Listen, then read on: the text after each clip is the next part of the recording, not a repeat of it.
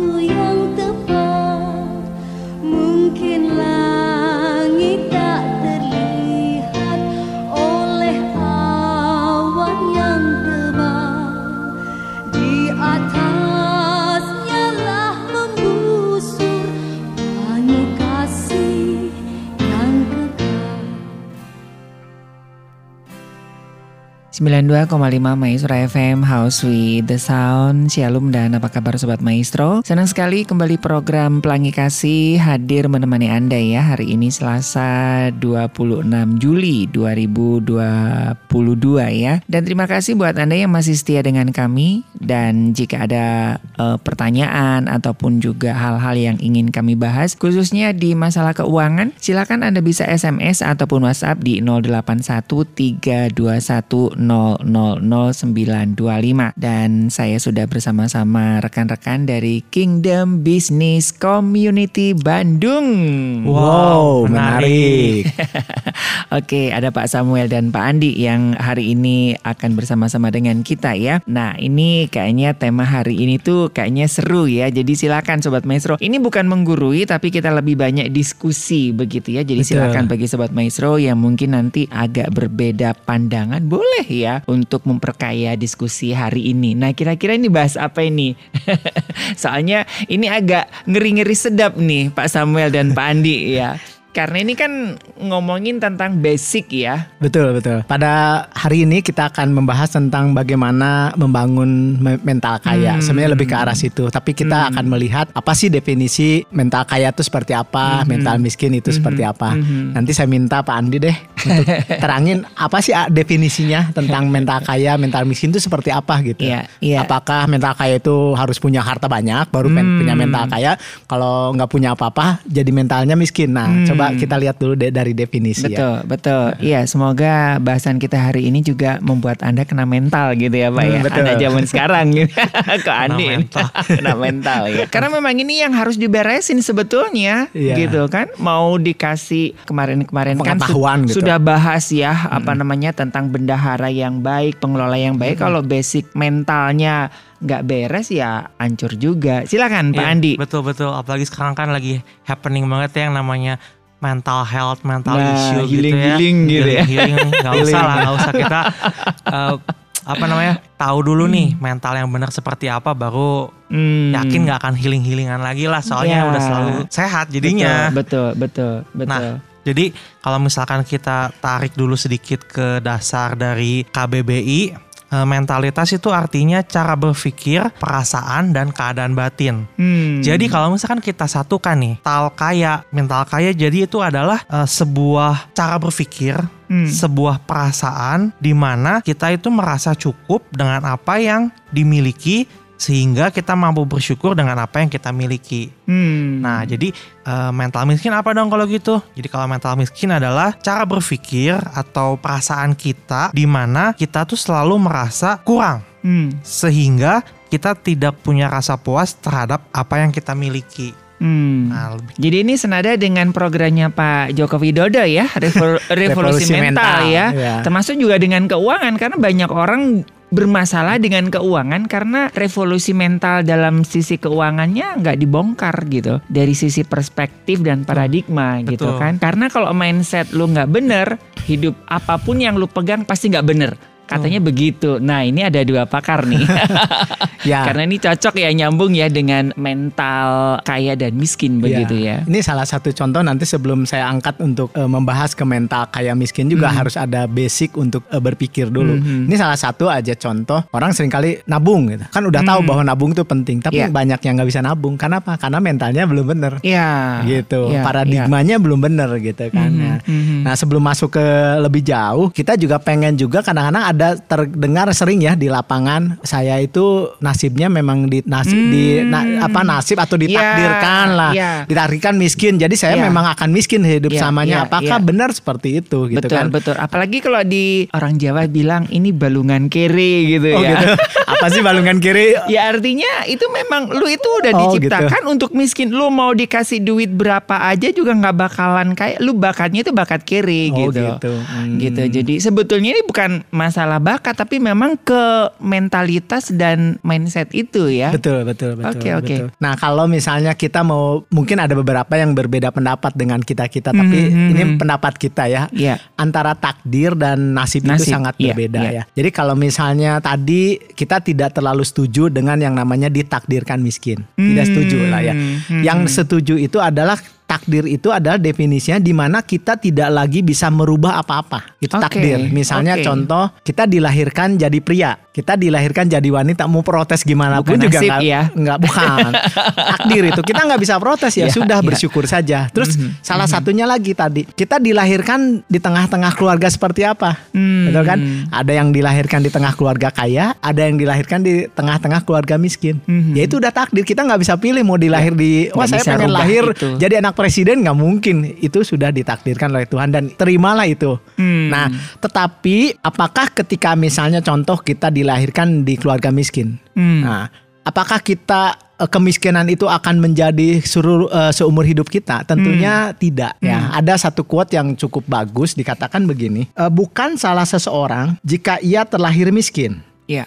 Tetapi itu adalah kesalahannya sendiri jika mati di dalam keadaan miskin. Miskin. Artinya apa? Quote ini menceritakan bahwa seorang yang dilahirkan di keluarga miskin itu pun mampu menjadi orang yang sukses dan kaya. Dan Ya. terbukti saya mau katakan Iya. presiden kita yang saat ini Joko Hmm. Widodo itu kan dilahirkan dari keluarga cukup miskin. Cukup. Saya waktu Ya, kemarin ke ya. baru ke Solo eh, teman saya bilang nih ini eh, areanya Pak Jokowi. Waduh, keadaannya Hmm. memang cukup desa seperti itu tapi Ya, ya. bisa muncul orang yang hebat. Ya. Artinya apa? Eh, dilahirkan dalam keadaan ga- maksudnya lahir di dalam keluarga miskin itu memang sudah takdir tetapi hidup di dalam kemiskinan itu bukan takdir. Itu Ya, kita ya. mampu rubah sedemikian Betul. rupa dan ini mindset yang harus ada pada kita. Kalau Mhm. kita melihat wah ini na- ini nasib ini tidak bisa dirubah, maka itu menjadi mindset miskin seperti Nah, itu. iya, Karena iya. merasa bahwa ya saya akan seperti ini, saya menjadi orang yang akan kurang seperti tadi Pak Ari yang Mhm, dikatakan. mhm. Iya, iya dan eh, fakta menunjukkan bahwa orang-orang terkaya di Indonesia ya, eh, anak singkong dan Hmm. anak yang perbankan itu kan juga kita ngelihat awalnya juga nggak punya apa-apa ya Pak Betul. ya. Dilanjutkan sebelum saya bertanya. Mungkin ada satu contoh eh, satu mindset yang kita belajar itu dari bukunya eh, karangan Robert Kiyosaki lah. Itu Oke. juga menjadi inspirasi Oke. tentang ada ayah kaya dan ayah miskin. Mungkin Pak oke. Andi bisa nah, sedikit Sebelum ke Hmm? sini Oh, ini Oke. ini nanti akan nyambung nih ya. Hmm, Apa hubungannya pemahaman nasib dan takdir ini dengan ke mental begitu? Oke, ya. Artinya ini kan jadi jadi pintu gerbang ya kalau kita konsep nasib dan takdirnya udah nggak bener ya mindsetnya nanti mentalnya ke sanakah atau seperti apa nih Pak Samuel atau Pak Andi? Iya, betul sekali sih ya. Karena gini, contoh tadi kalau dia bilang bahwa miskin ini adalah takdir. Hmm. Mindsetnya akan bahwa jadi saya berusaha apa pun juga nggak akan berhasil. Oke. Betul kan? Karena misalnya, oh saya ditakdirkan miskin, ya kan? Hmm. Nah, mindset itu akan me- membuat eh, action paradigma kita di dalam pola pikir kita. Akhirnya pola pikir kita mendorong kepada tindakan kita dan perkataan kita. Akibatnya apa?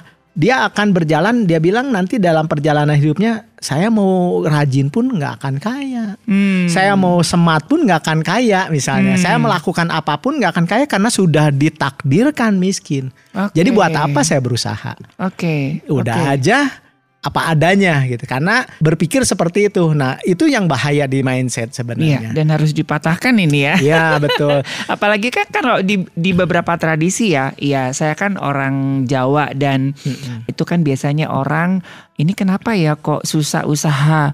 Lu lahirnya hari apa gitu kan? Hmm. Senin Kliwon, hitung-hitungannya. Wah, ini kamu nggak bisa. Betul, betul. Nah, itu kan mindset-mindset. Iya kan? Mungkin Pak Andi bisa kasih pendapat lagi di barangkali benar nggak di kalau misalnya kalau orang anggaplah tadi kalau misalnya oh sio ini misalnya Iya, oh sio iya, ini nih iya, wah itu sio ini mah nasibnya pasti Iya, susah. jelek lah di bulan ini bintang ini pasti kamu nggak akan beruntung benar nggak kalau menurut Andi nih dari segi apa eh, paradigma yang kita sedang ajarkan ya di Ya kalau saya sih sebetulnya nggak percaya sih sama pemikiran-pemikiran seperti itu. Hmm, betul. Mohon maaf buat yang percaya, tapi yang saya percaya adalah pokoknya hasil tidak akan pernah mengkhianati Hmm. usahanya dan Hmm. kita tuh nggak boleh eh, apa ya kurang ajar lah sama orang. Hmm, Kenapa?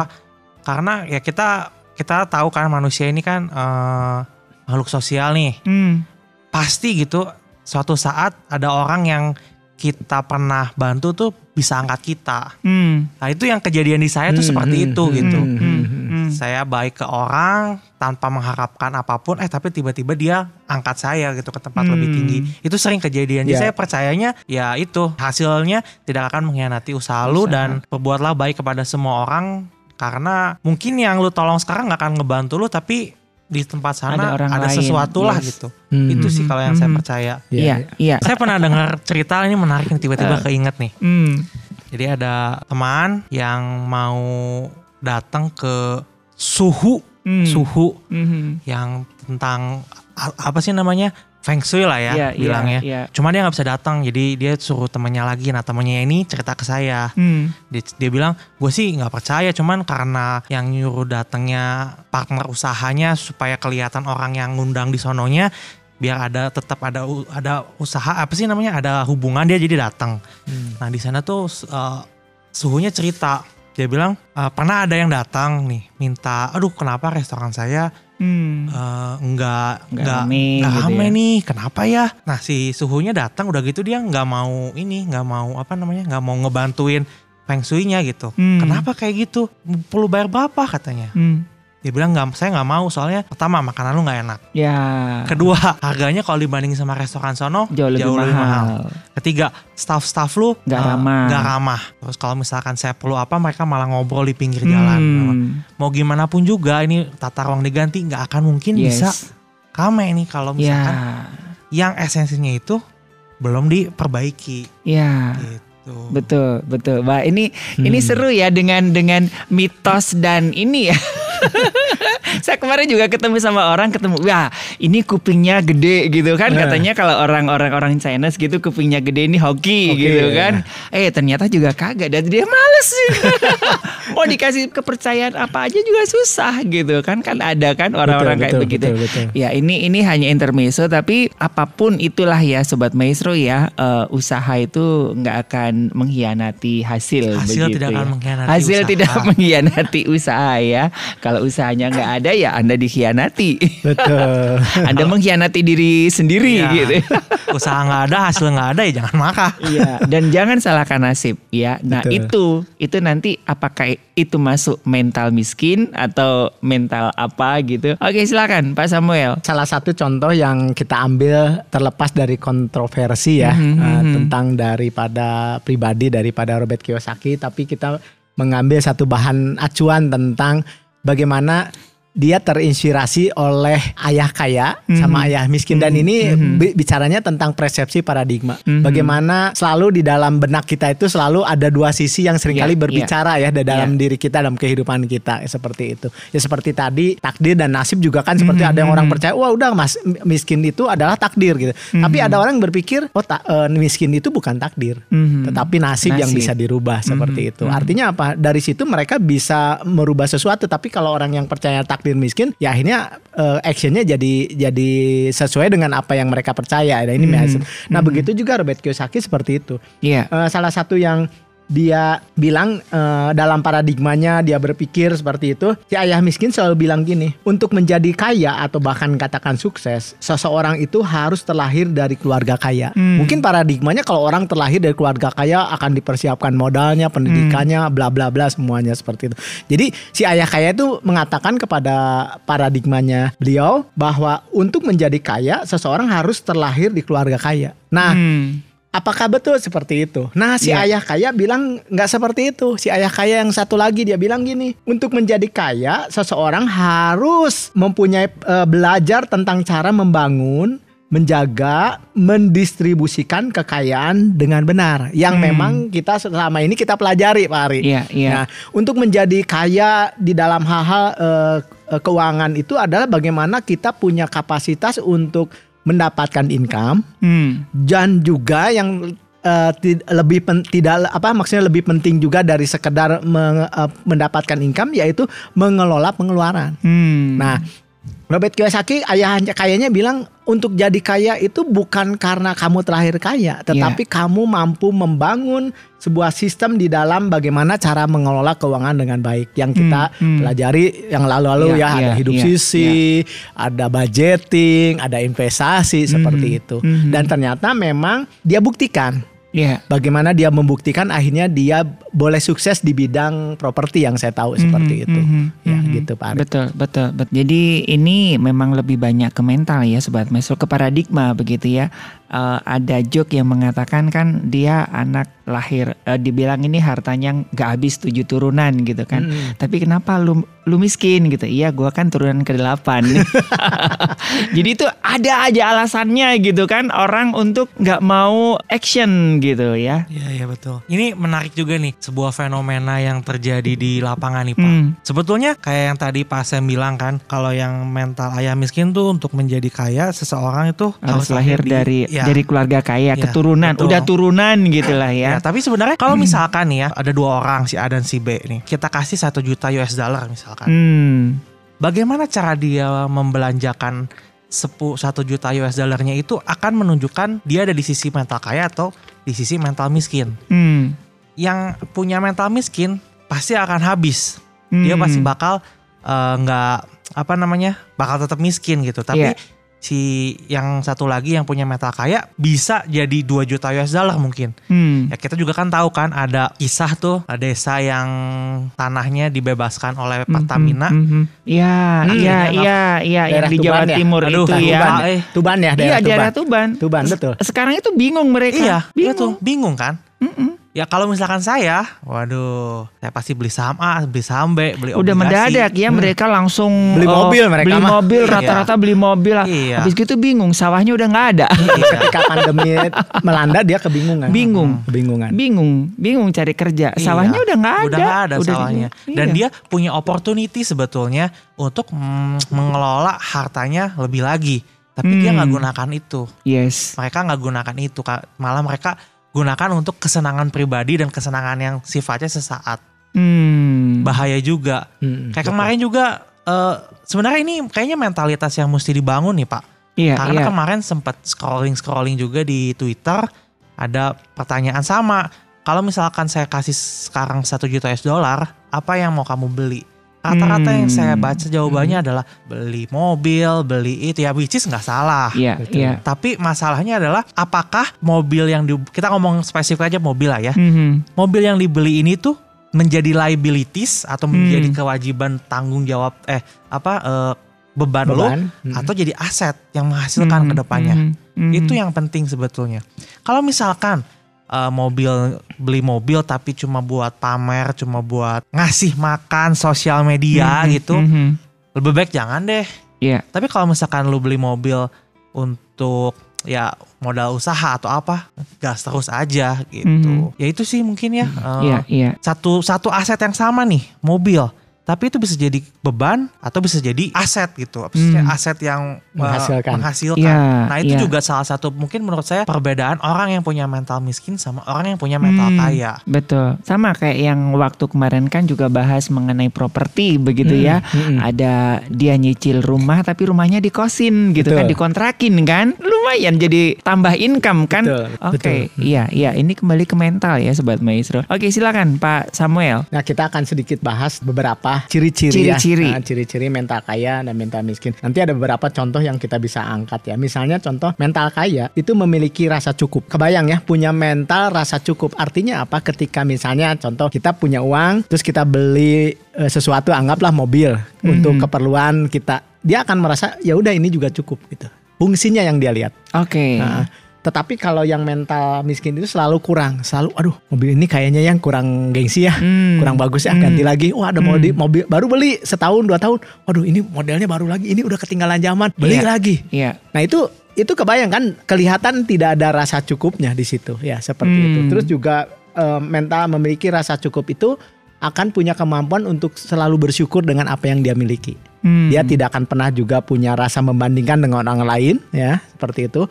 Karena apa? Karena ya saya bersyukur dengan apa yang Tuhan berikan dengan kapasitas yang saya punya. eh, kita bisa melakukan dengan eh, dengan tenang dan memang inilah yang Tuhan kasih rejeki sesuai kapasitas Hmm, kita hmm, seperti itu. hmm. Tetapi orang-orang yang bermental miskin itu akan merasa kurang padahal kapasitasnya nggak mampu gitu untuk bisa meraih Oke. lebih banyak. Oke. Akibatnya apa? Dia akan cari cara cara-cara yang di luar daripada eh, moral seperti Hmm, bisa aja hmm. eh, apa namanya korupsi supaya Hmm. apa? Supaya dia bisa meraih yang tadi keinginan-keinginan yang tidak terbatas itu. Hmm. Hmm. Waduh, pengen ganti mobil. Kalau yang sederhana pengen ganti HP. Ya seperti yang gitu-gitulah, Hmm, Pak. hmm, Nah, hmm. itu salah satu perbedaan antara mental kaya sama mental miskin. Kalau mental kaya, Andi pernah bilang juga, saya mampu beli Lamborghini, Iya, gitu kan? iya. Tapi saya nggak mau lakukan itu. Oke. saya cukup dengan, misalnya ya cukup dengan CRV atau Hmm, apa ya, hmm, sesuai hmm, kemampuan hmm, atau hmm. apa pun. Hmm, Tetapi saya nggak mau beli Lamborghini. Lebih baik uang sisanya bisa dialihkan ke tempat yang lebih bermanfaat, entah investasi. Oke. Kalau berlebih lagi bisa berbagi seperti itu dan hal-hal yang seperti itu adalah salah satu contoh aja eh, mental kaya dan mental miskin di, Hmm. di satu memiliki rasa cukup dan Rasa satu cukup. lagi mera- merasa punya kekurang eh, Hmm, apa tidak hmm. selalu merasa Mhm. cukup dan selalu Mhm. merasa kurang. Mhm. Antara hemat Mhm. sama kikir itu juga harus ada perbedaan. Kalau Ya, yang ya, bermental ya, ya. kaya itu hemat. Hmm.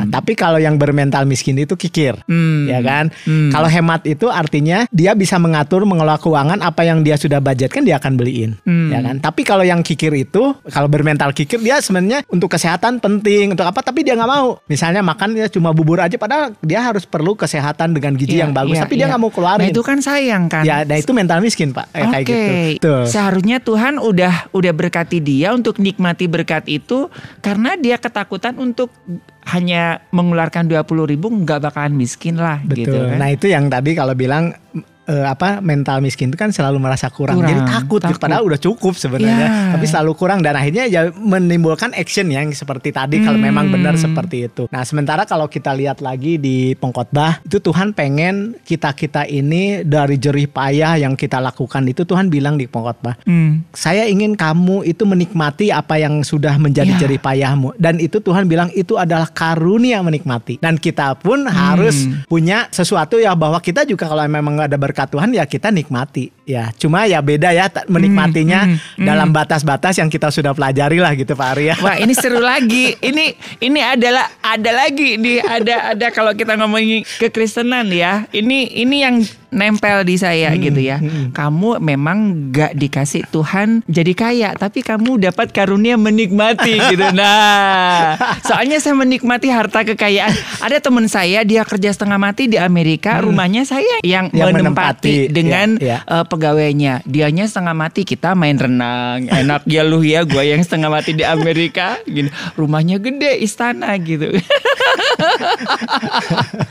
Apakah nah ini supaya supaya kita nggak terjebak gitu loh. betul. Karena kan kita kadang-kadang enak aja ngomong ya udah lu karunia, lu tuh karunia nikmatin gitu. Saya nggak punya mobil eh, Rolls Royce gitu kan. Hmm. Tapi saya kalau pelayanan dijemput, diundang gitu kan, enak ya lu nik ya emang lu karunia lu nikmatin gitu. Yang punya mobil belum tentu naik gitu. Aduh. Ini kan hal-hal kayak begini kan nggak boleh didoktrinkan ya. Betul, betul. Gitu. Dan nggak ada karunia menikmati itu kan sebetulnya ya. Sebenarnya kalau yang di pengkhotbah itu adalah Tuhan bilang menikmati jerih payah. Menikmati karunia, bukan karunia menikmati. Eh, ya jangan dibalik. Jangan dibalik.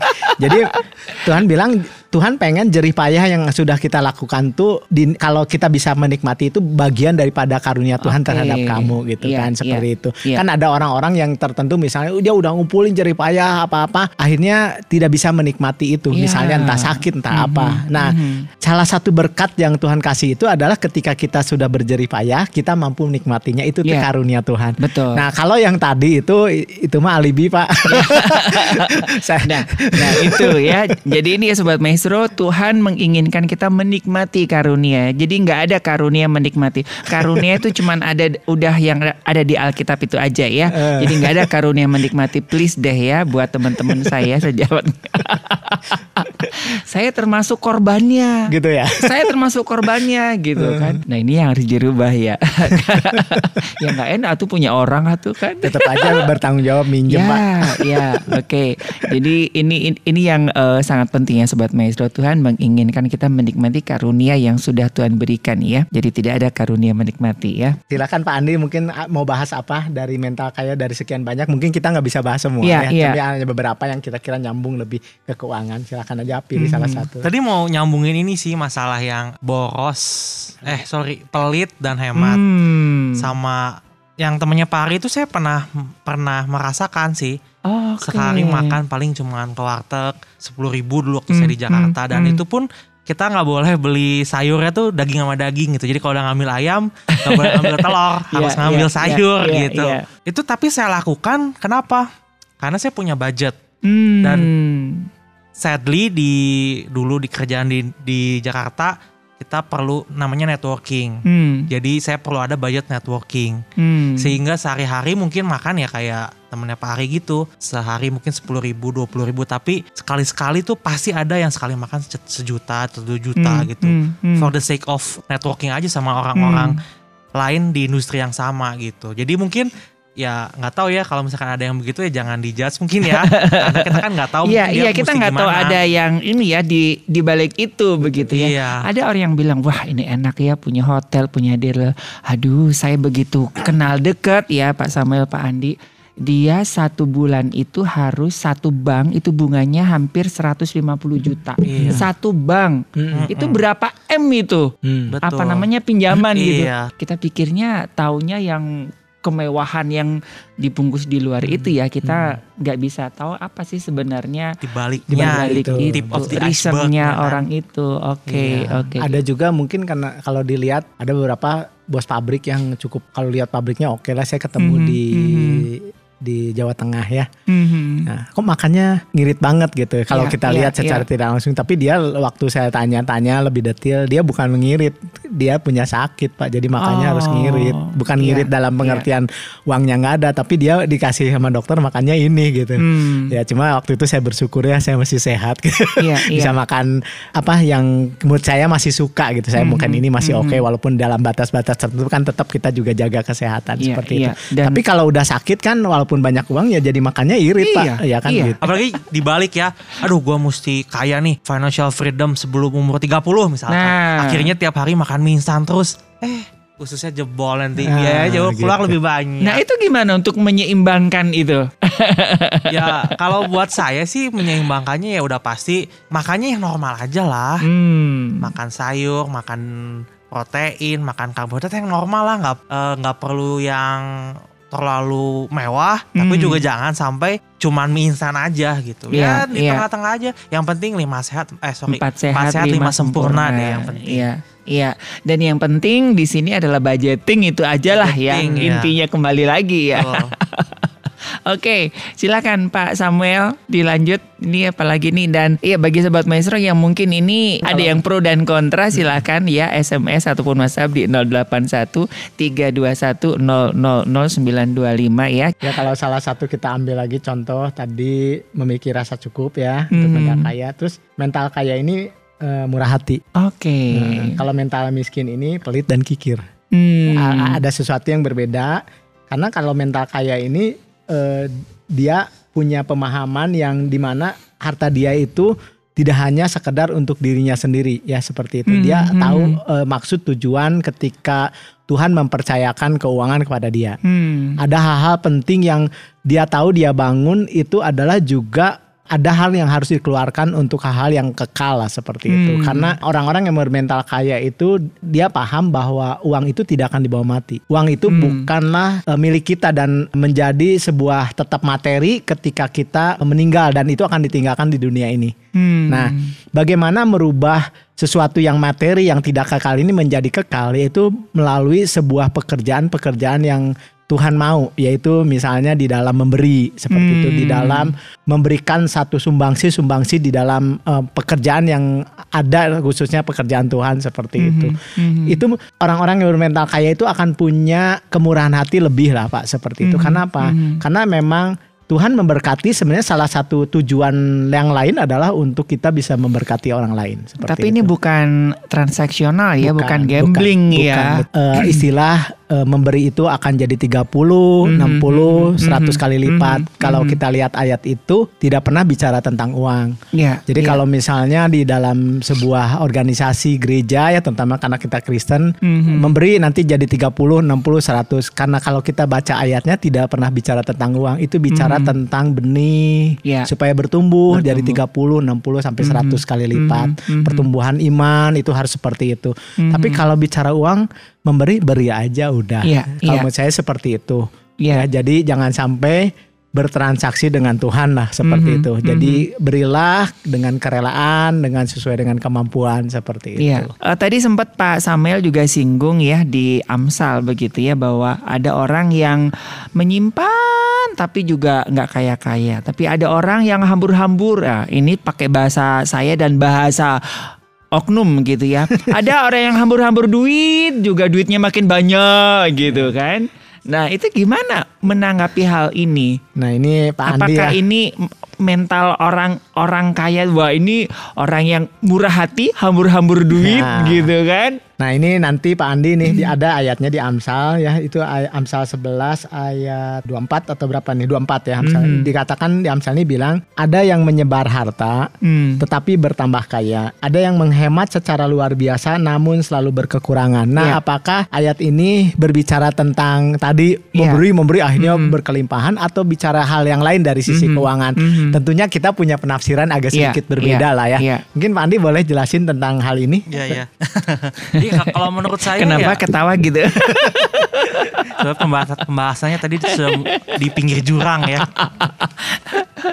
ya kalau menurut saya sih di sini eh, yang menyebar harta ini tuh artinya bukan kita uang kita lempar-lempar Hambur-hambur gitu ya. hambur-hambur enggak tapi kita mengalokasikan uang kita ke aset-aset yang produktif jadi kita menyebar harta kita Hmm. Di aset-aset yang produktif di rumah, di saham, di obligasi, di, di Jadi kita mulia. kembali ke pelajaran beberapa Selasa lalu ya, jadi hamba yang baik ya, Iya. jadi se- apa namanya sebagai pengelola ya. Betul, Iya. betul. Menyebar uang ini bukan berarti menghambur-hamburkan, tapi mengelola, mengelola, mengalokasikan itu. menyebar harta kita di berbagai macam jenis aset investasi. Yes. Kalau saya nangkapnya begitu sih, Pak. Memang Mhm. betul. Bukan Mhm, mhm. menyebar harta tuh beli ini, beli itu, beli itu. Enggak, saya nggak mikir ke sana, tapi saya mikir lebih menyebarnya itu. Kita beli logam mulia, kita beli rumah, kita beli Hmm. saham, kita beli obligasi, kita beli tanah ya, Pak ya. Gitu Iya, kalau iya, menurut saya. iya, iya. Dan dan menurut saya sih relevan karena gini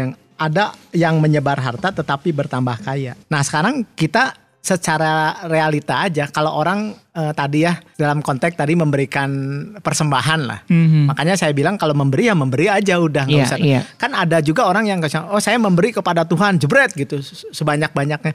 Cok kalau kitanya nggak ngapa-ngapain udah nggak akan ada apa-apa pak. Dan tetap Hmm. aja yang yang selalu yang selalu menjadi hasil balik itu adalah bagaimana ada usaha kita. Nah, memang ketika kita punya kemurahan hati itu selalu Tuhan mendatangkan kesempatan-kesempatan yang dia bikin. Karena apa? Karena kita menjadi hamba yang bisa dipercaya dalam Iya, pengelolaan iya. keuangan dan opportunity itu sering kali didatangkan kepada orang-orang yang bermurah hati, Pak. Hmm, Seperti itu. betul, betul. Itu itu relevannya ada. Iya.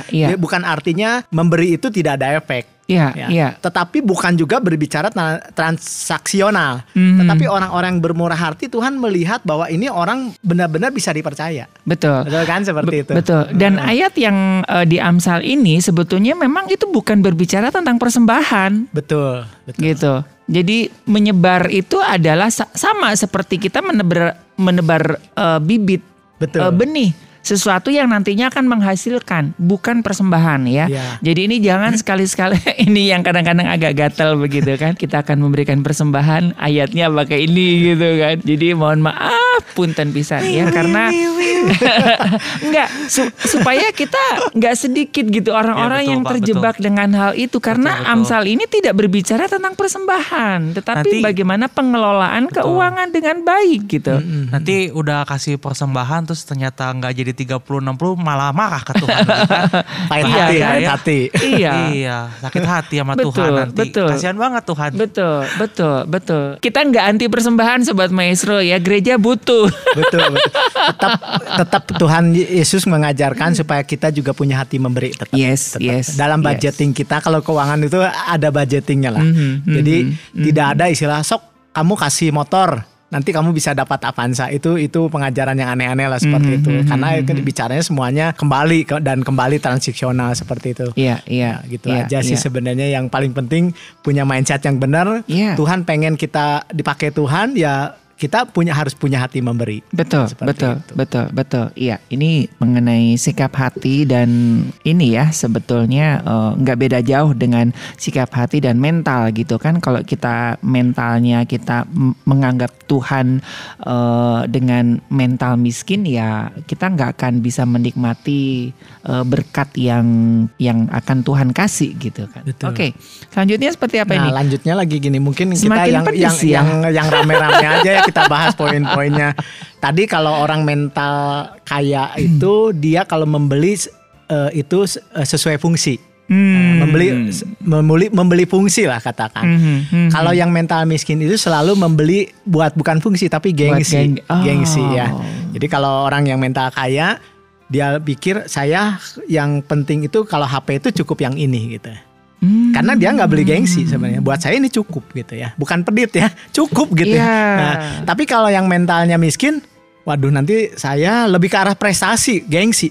Aduh teman saya udah ganti. Aduh saya kalau nanti Hmm. ini, waduh nanti saya dihina, Hmm. nanti saya nggak dihormati. Jadi beda lah pola pikirnya seperti itu. Kalau mental kaya nggak peduli dinilai jelek juga, karena yang tak yang yang wah kamu kok handphonenya jadul-jadul amat ya biarin aja. Gitu dah buat saya mah fungsinya tetap berlaku seperti Hmm. itu. Nggak nggak terpengaruh dengan sebuah uh, omelan orang, Iya, perkataan iya, orang iya, mental kaya iya. tuh nggak seperti itu. Dia akan karakter sejatinya ak- tidak dilihat dari nilai materi yang dia pakai seperti itu. Hmm. Nah, eh, kita lihat di Amsal ini ada juga nasihat yang cukup bagus dikatakan Iya. begini Pak Ari. Ada orang yang berlaga kaya. Hmm. Nah, ini mental miskin sebenarnya. Iya, iya, iya. Tetapi tidak punya apa-apa. Hmm. Betul kan? Menang berlaga gaya kaya. ya. Ah, menang gaya. Berka- ber- gimana caranya berlaga kaya? Yaitu membeli gengsi. Hmm. Membeli gengsi, membeli sesuatu untuk orang lihat, wah luar biasa aja. Memang Hmm. kadang-kadang memang mata orang kalau kita lihat orang, wih pentereng branded semua gitu. Iya, kita iya, kadang-kadang iya. wah ini kayaknya kaya nih. Karena kadang-kadang pasti berpikir seperti itu dan itu yang terjadi di dunia ini dan Padahal sewa ya Pak. pada sewa. gitu. Bukan sewa, endorse. Endorse, ya. Tapi dikatakan ada yang berpura-pura miskin, artinya maksudnya tidak flexing ya Pak, cukup hidup dalam keadaan sederhana apa-apa, tapi sebenarnya hartanya banyak kok gitu. Hmm. Ya saya lihat beberapa orang-orang yang punya kekayaan yang sudah banyak itu lebih humble ya sebenarnya. Iya. Ya, iya, tidak iya, tidak lagi iya. pamer-pamer ya. Betul. Justru mungkin yang kayanya dikit biasanya lebih pamer. Sama lah dengan ilmunya yang dikit biasanya lebih pamer dibanding ilmunya banyak, Pak. It, itu yang disampaikan Pak Renal Kasali begitu ya. Caranya membedakan orang yang benar-benar kaya atau yang flexing gitu ya. Soalnya kalau kalau orang biasanya udah punya udah ngapain juga dipamer-pamer lah. Iya, iya takut atuh. Betul, betul, betul. Iya, betul, betul, betul. Dirjen pajak Dirjen pajak. melirik dari sebalik pintu.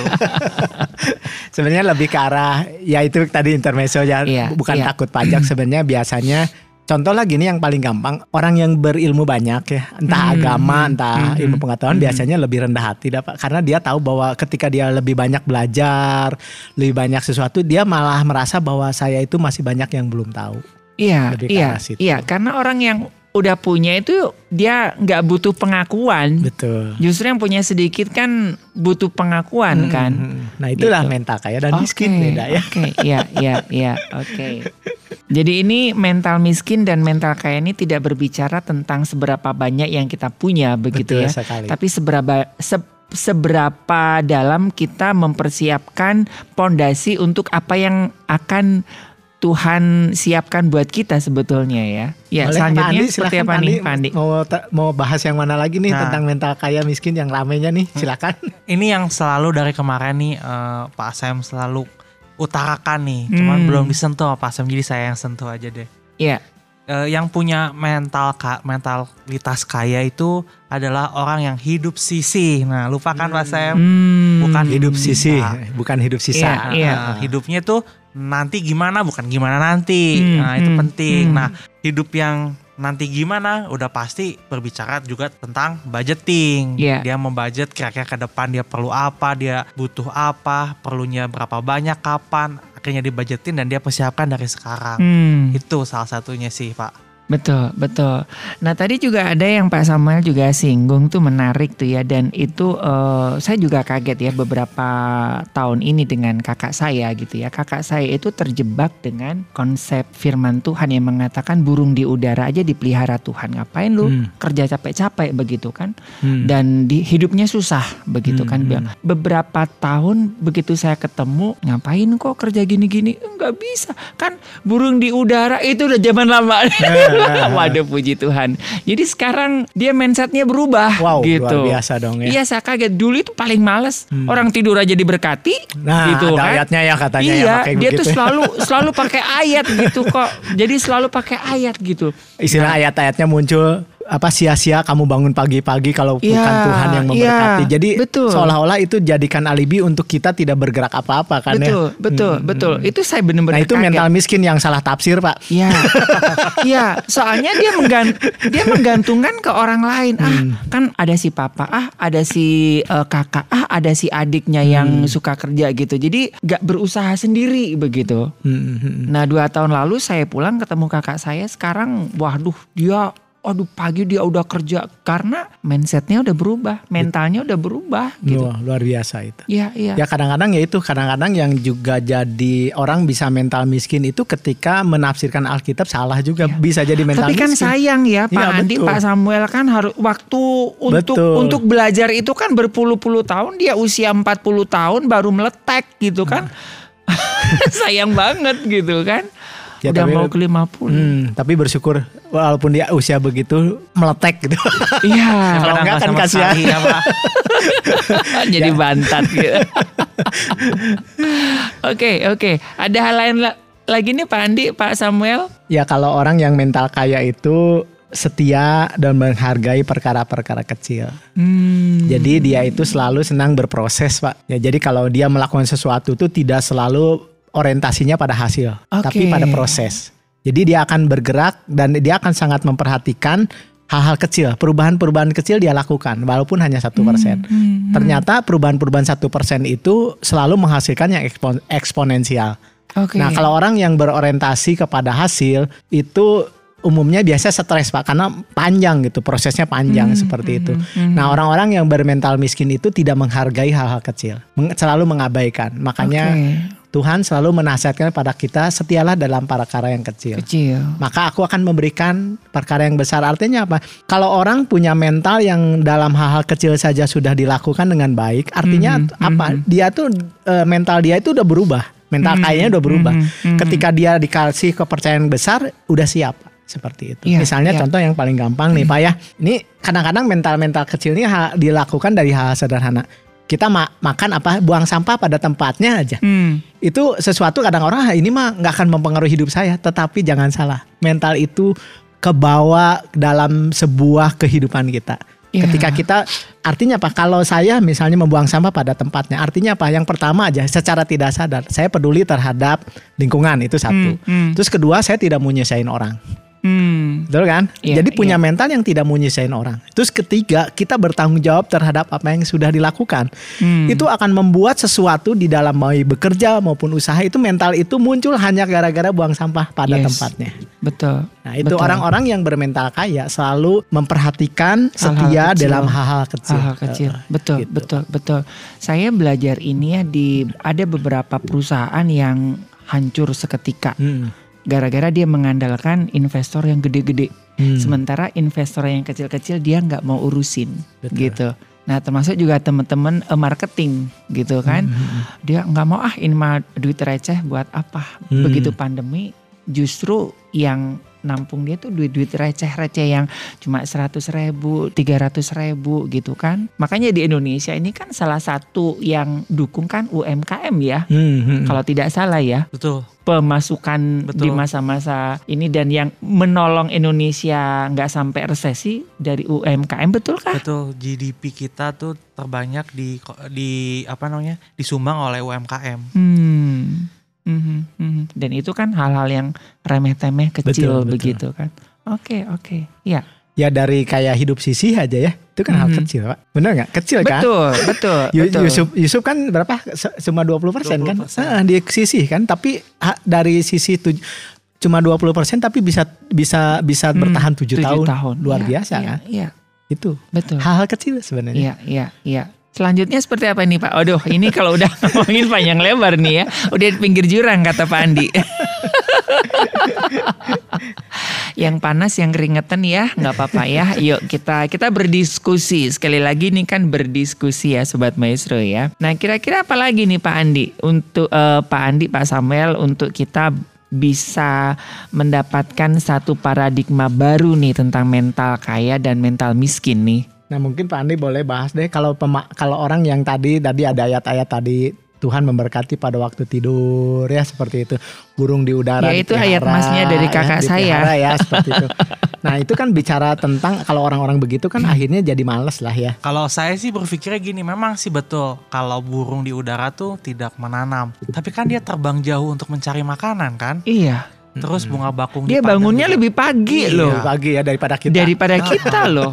Bunga bakung juga memang tidak menenun, tapi dia kan menumbuhkan akar yang sampai ke dalam untuk mencari makanan ya. Hmm, Kalau menurut saya doesn't make sense gitu kalau misalkan kita akhirnya menggunakan ayat-ayat itu untuk cuman sekedar bahan aja gitu. Karena ya itu aja sih burungnya tetap terbang Bang. berkilo-kilo untuk mencari meskipun dia memang tidak menanam. Bunga bakung juga dia bertumbuh ke bawah, dia bertumbuh akarnya dulu Iya, gitu untuk iya. mencari makanan. Itu kan juga ada eh, porsi kita gitu yang harus kita lakukan gitu. Mhm. Ya mungkin untuk masalah hasilnya kita serahkan saja ke Tuhan, tapi yang penting kita berusaha sebaik mungkin Iya, dulu. iya. Kalau menurut Betul. saya sih gitu sih, betul, Pak. betul, Betul, betul. Tadi itu yang ayat-ayat itu membuat mental miskin yaitu menjadi orang Hmm. pemalas. Nah, ayat di Amsal di Amsal 13 yang tepat katakan hati ya. Hati Mhm, berarti kan bicara mhm. udah lagi ke mental. Iya. Hati si pemalas tentunya sama, punya cita-cita, penuh keinginan. Tetapi keinginannya jadi sia-sia. Mhm. Ya, sedangkan hati orang rajin diberi kelimpahan. Jadi Hmm. orang malas itu bicara mental tadi ada ayat-ayat yang mendukung Tuhan memelihara, Tuhan pasti Yehova Jireh, tapi dia punya mental miskin. Jadi apa yang dia punya keinginan cita-cita itu nggak pernah terlaksana karena dia tidak pernah melangkah. Orang yang orang yang malas itu tidak pernah melangkah. Di Amsal dikatakan orang yang malas itu diibaratkan orang yang suka tidur. Hmm. Sebentar tidur, Tidur, lagi, ya. sebentar lagi Tidur tidur, lagi. lagi. Nah makanya lagu ada lagu dari Mbak Iya, Surip. Mbak Surip. Tidur lagi, sebentar tidur, tidur, tidur, tidur lagi. Nah itu mental miskin. Hmm. Kenapa orang itu bisa males? Ya, karena bicara mental, Pak. Hmm. Kalau kita lihat kodrat daripada Allah menciptakan sebenarnya sebenarnya manusia itu kodratnya nggak ada yang males, Pak. Iya. Diciptakan manusia itu untuk bergerak. Makanya kenapa ketika orang-orang kalau kita lihat orang-orang yang sakit tuh ya, Mhm, ketika mhm. dia nggak bergerak, ototnya langsung mengecil, Pak. Iya. Karena apa? Memang manusia itu diciptakan untuk bergerak Iya. seperti itu. Iya. Makanya Betul, kalau orang betul. punya mental akhirnya ototnya kecil, apanya kecil, rezekinya juga jadi kecil, Pak. Mhm.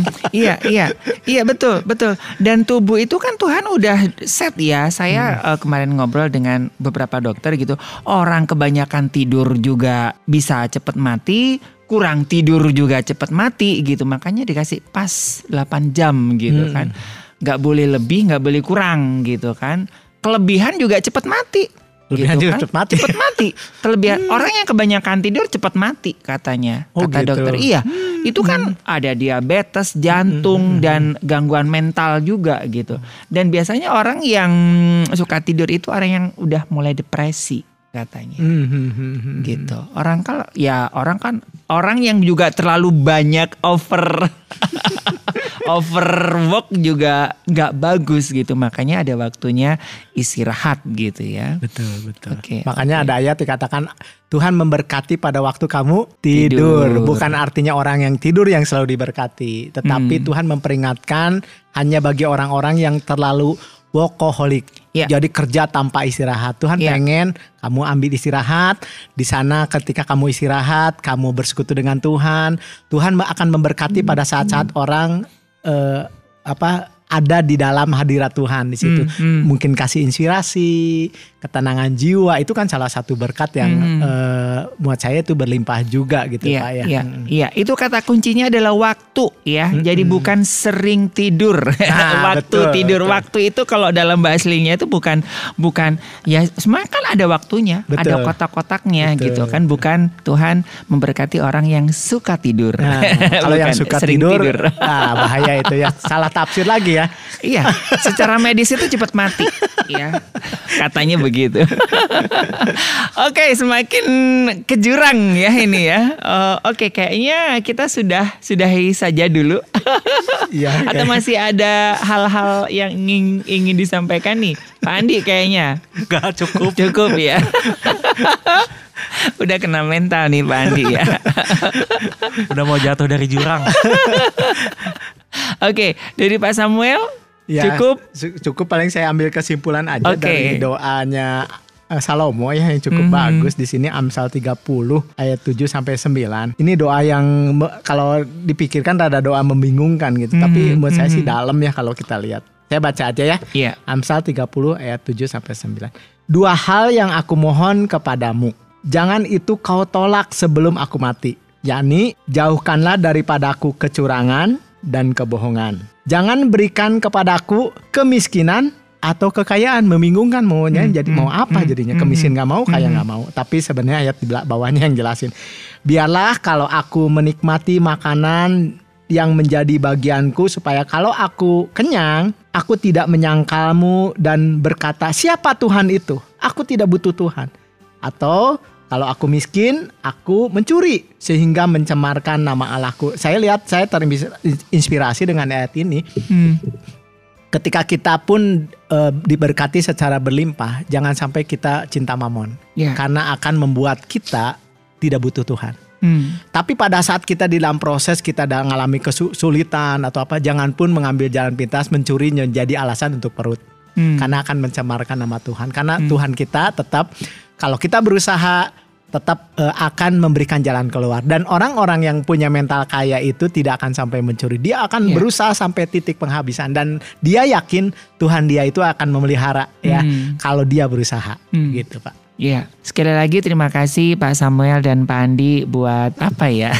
sharing-sharing lah berbagi lah gitu bukan ngajarin Obrolan kedai kopi. baik kopi ya Baik dari Gerah Maestro Jalan Kasapiring 12 Bandung, saya Ari, Pak Samuel dan juga Pak Andi dari Kingdom Business Community Bandung mengundurkan diri. Kita akan ketemu lagi di program Pelangi Kasih selanjutnya. Semoga program ini bisa menginspirasi kita untuk menjadi benar, menjadi besar dan menjadi berkat. Tetap jaga protokol kesehatan dan Tuhan memberkati.